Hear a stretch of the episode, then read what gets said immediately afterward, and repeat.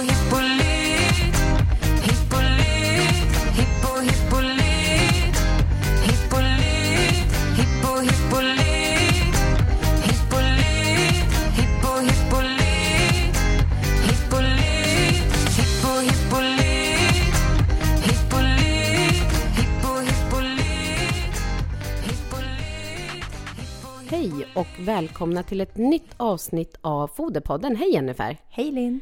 Du, idag så har vi kan man säga ett önskeavsnitt som vi ska försöka ta oss igenom och det är ett ämne som vi får mycket frågor omkring. Det finns mycket funderingar kring det. Det är heller inte ett helt enkelt område att eh, besvara eftersom att det inte finns så mycket studier kring det. Men vi ska ändå ge oss in och göra ett försök att reda ut de vanligaste frågorna kring pälsbytet. Men för att lättare förstå sig på det här med pälsbyte så tänkte vi först gå igenom vad pälsen egentligen är. Ja, hästens päls består till stor del av ett protein som heter keratin. Och varje hårstrå består av tre delar. Det är medulla, cortex och cuticula. Medulla är det innersta lagret som består av många, många olika celler som ligger väldigt tätt intill varandra. Cortexen består av 85% keratin, det vill säga protein, men innehåller också vatten, fett, mineraler och melanin som är pigment. Och det är i cortexen som, eller det är cortexen som är ansvarig för hårets konsistens, färg och styrka. Katekulan är det sista lagret och är färglöst och tunt och ger ett skyddande beläggning för cortexen och har stor betydelse för, hårets kvalitet och utseende. Men sen har vi själva hårroten. Ja, och den är innesluten i hårfollikeln som ligger strax under hudens yta och dess botten innehåller hudvävnad som är sammankopplad med blodet. Eh, Det är också den här delen som är ansvarig för att leverera viktiga näringsämnen till håret. Hästens päls växer i tre olika faser. De kallas för anagena, katogena och tel tellogena. Och Linn, kan du utveckla de här olika faserna? Ja, den anagena är den aktiva hårväxtfasen där det är ett litet, litet hår som bildas i hårroten och som sedan växer sig längre. Den andra fasen är den katagena och det innebär att tillväxten av håret avstannar och eh, den här fasen är en ganska kort fas. För sen kommer den sista fasen och det är den telogena som innebär att håret slutar växa helt och blodtillförseln till håret avstannar. Eh, hårstrået sitter kvar ända tills ett nytt hår trycker ut det och sen eh, ja, tills det nya hår, håret är på väg ut kan man säga. Ja, och nu tänkte jag att vi skulle ta död på en myt som många tror. Eh, och det är just det här att pälsbytet har ju egentligen ingenting med temperaturen att göra. Nej men precis, alltså det som påverkar hästens pälsbyte är antal timmar med dagsljus per dygn. Och det är alltså så att hästen har ljusreceptorer i ögonen som uppfattar förändringar i dagslängden och skickar sedan signaler till epifysen, även kallad tallkottkörteln, som i sin tur ansvarar för produktionen av melatonin. Och melatonin i sin tur har ett väldigt stort inflytande på när våra hästar börjar sätta sin vinterpäls då. Ja, melatonin är ju ett hormon som är väldigt påverkar mycket pälssättningen, precis som du säger Linn. Men på vilket sätt gör den det?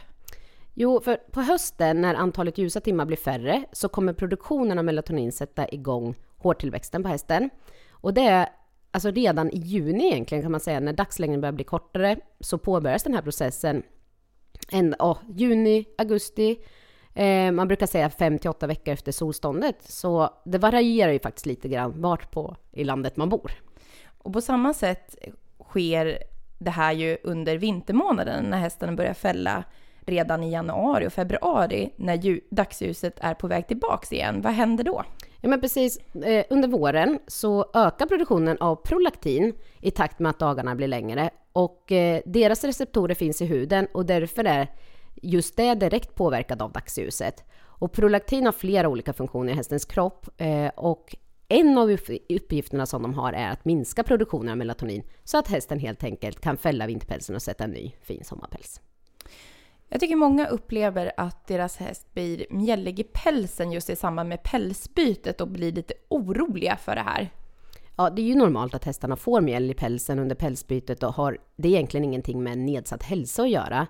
Eh, för när det nya håret växer ut och det gamla trycks bort så följer det alltså med döda hudceller med ut och eh, ett bra sätt är att borsta och massera hästen för att öka blodcirkulationen i huden och på så vis öka blodtillförseln så att näringstillförseln eh, sker då till hårrötterna. Många gånger anser man ju att en häst som är glansig och fin i pälsen är en välmående häst. Och hur kan det komma sig? Nej, men ofta uppfattas hä- hästens päls som en indikat- indikator på att hästens hälsotillstånd är bra och ofta har en glansig och fin päls ett samband med en rätt utfodrad häst och med en balanserad foderstat. Och alla näringsämnen har egentligen en direkt eller indirekt påverkan på pälsen och bland annat fett, mineraler och B-vitaminer. Och färgen och strukturen påverkas av spårämnen som zink och koppar då bägge de här mineralerna påverkar några av de enzymer som bildar pigment i huden och håret på hästen. Om det saknas koppar och zink så kan det då leda till att man och päls bleknar. Och omega-3-fett påverkar hästen lika som B-vitaminer med ett indirekt inflytande då de stärker cellerna i huden där håret växer ifrån. Om man då vill hjälpa till att fodra hästen eh, just för pälsbytets skull, vad ska man tänka på då? Alltså det krävs en del energi och näring för att det är en resurskrävande process och vissa hästar kan faktiskt ändra sitt beteende i den här perioden och upplevs trötta eller slöare. Jag kan också uppleva ibland när vi är ute och gör stallbesök att hästägaren upplever att hästen kanske börjar bli känslig för skänken och att ja, den, den kan upplevas lite irriterad. Eh, och jag tycker först och främst att man ska tänka på och se till att man har en foderstat som faktiskt täcker hästens samtliga behov av både energi, protein och samtliga vitaminer och mineraler. Ja, och precis som vi sa i början så består ju en väldigt stor del av pälsen av protein. Så vi rekommenderar ju som, som vanligt, som vi tjatar om nästan varje avsnitt tror jag, med det här med grovfoderanalys och att man beräknar en foderstat för att se till att man verkligen täcker hästens proteinbehov. Och, eh, och det kan vi ju inte veta om vi gör eller inte utan en analys. Och saknas det protein i grovfodret, vilket inte är helt ovanligt, så måste man då komplettera upp det som saknas. Och vad behöver man mer tänka på? Ja, många ger ju sina hästar B-vitamin under pälsbytet och det man kan tänka på då är att B-vitamin är ett av de näringsämnen som hästen generellt sett inte har brist på. Utan bristsymptom på B-vitaminer, alltså B1, B2, biotin, är inte påvisade på häst förutom eh, att man kan tillföra dem i fodret så kan hästarna själv syntetisera de här eh, i sin mag-tarmkanal. Och om hästen har en störd mag-tarmfunktion så kan B-vitaminsyntesen vara försämrad, men som sagt det är väldigt ovanligt med en B-vitaminbrist hos hästar. Ja, det är ju ändå bland de vanligaste tillskotten man ger till hästar, just B-vitamin. Och eh, ja, det, man kan ju fråga sig det om man ger det, för det är inte skadligt ändå att ge det. Nej, precis. Eftersom B-vitamin är vattenlösligt så kommer ett överskott utsöndras med urinen. Eh, så att det blir inte farligt för hästen, men det blir ju ett onödigt dyrt kiss. Det blir det. Ja. Finns det något annat man bör tänka på just under pälsbytet? Ja, precis som vi var inne på förut så bör man ju täcka hästens samtliga behov. Dels med en bra, eh, helst analyserat grovfoder och, och att man kompletterar med det som saknas. Och sen då en väl fungerande tarmflora, eh, som vi nyss sa, eh, är en, ger en bra produktion av B-vitaminer. Så fokusera på att hålla grovtarmen i bra balans genom att fodra fibrer och kanske komplettera med jäst eller mesh som innehåller bra saker för magen. Exempelvis eh, li, linfrön, mm, det kan vara jäst. Ja. Mineralerna då?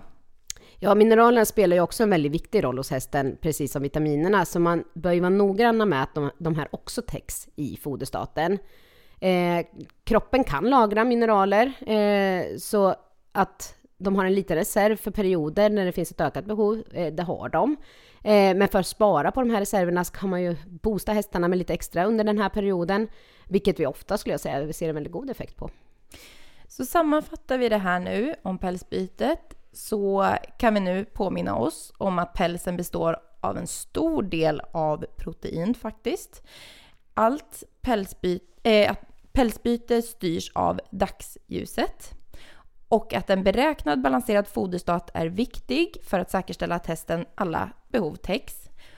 Och man kan ge något utöver den vanliga foderstaten så kan man komplettera med en boost av alla mineraler och vitaminer då just B-vitamin är något som det normalt sett inte är någon brist på.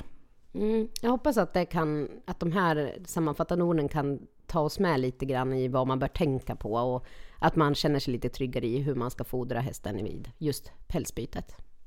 Ja, men har man ändå frågor och vill kontakta oss så får man gärna göra det. Då har vi vårt telefonnummer på 0413 486 100 eller på våran mail. Ja, info då kommer man i kontakt med oss. Ja, tack så mycket! Tack Hej så då! hemskt mycket!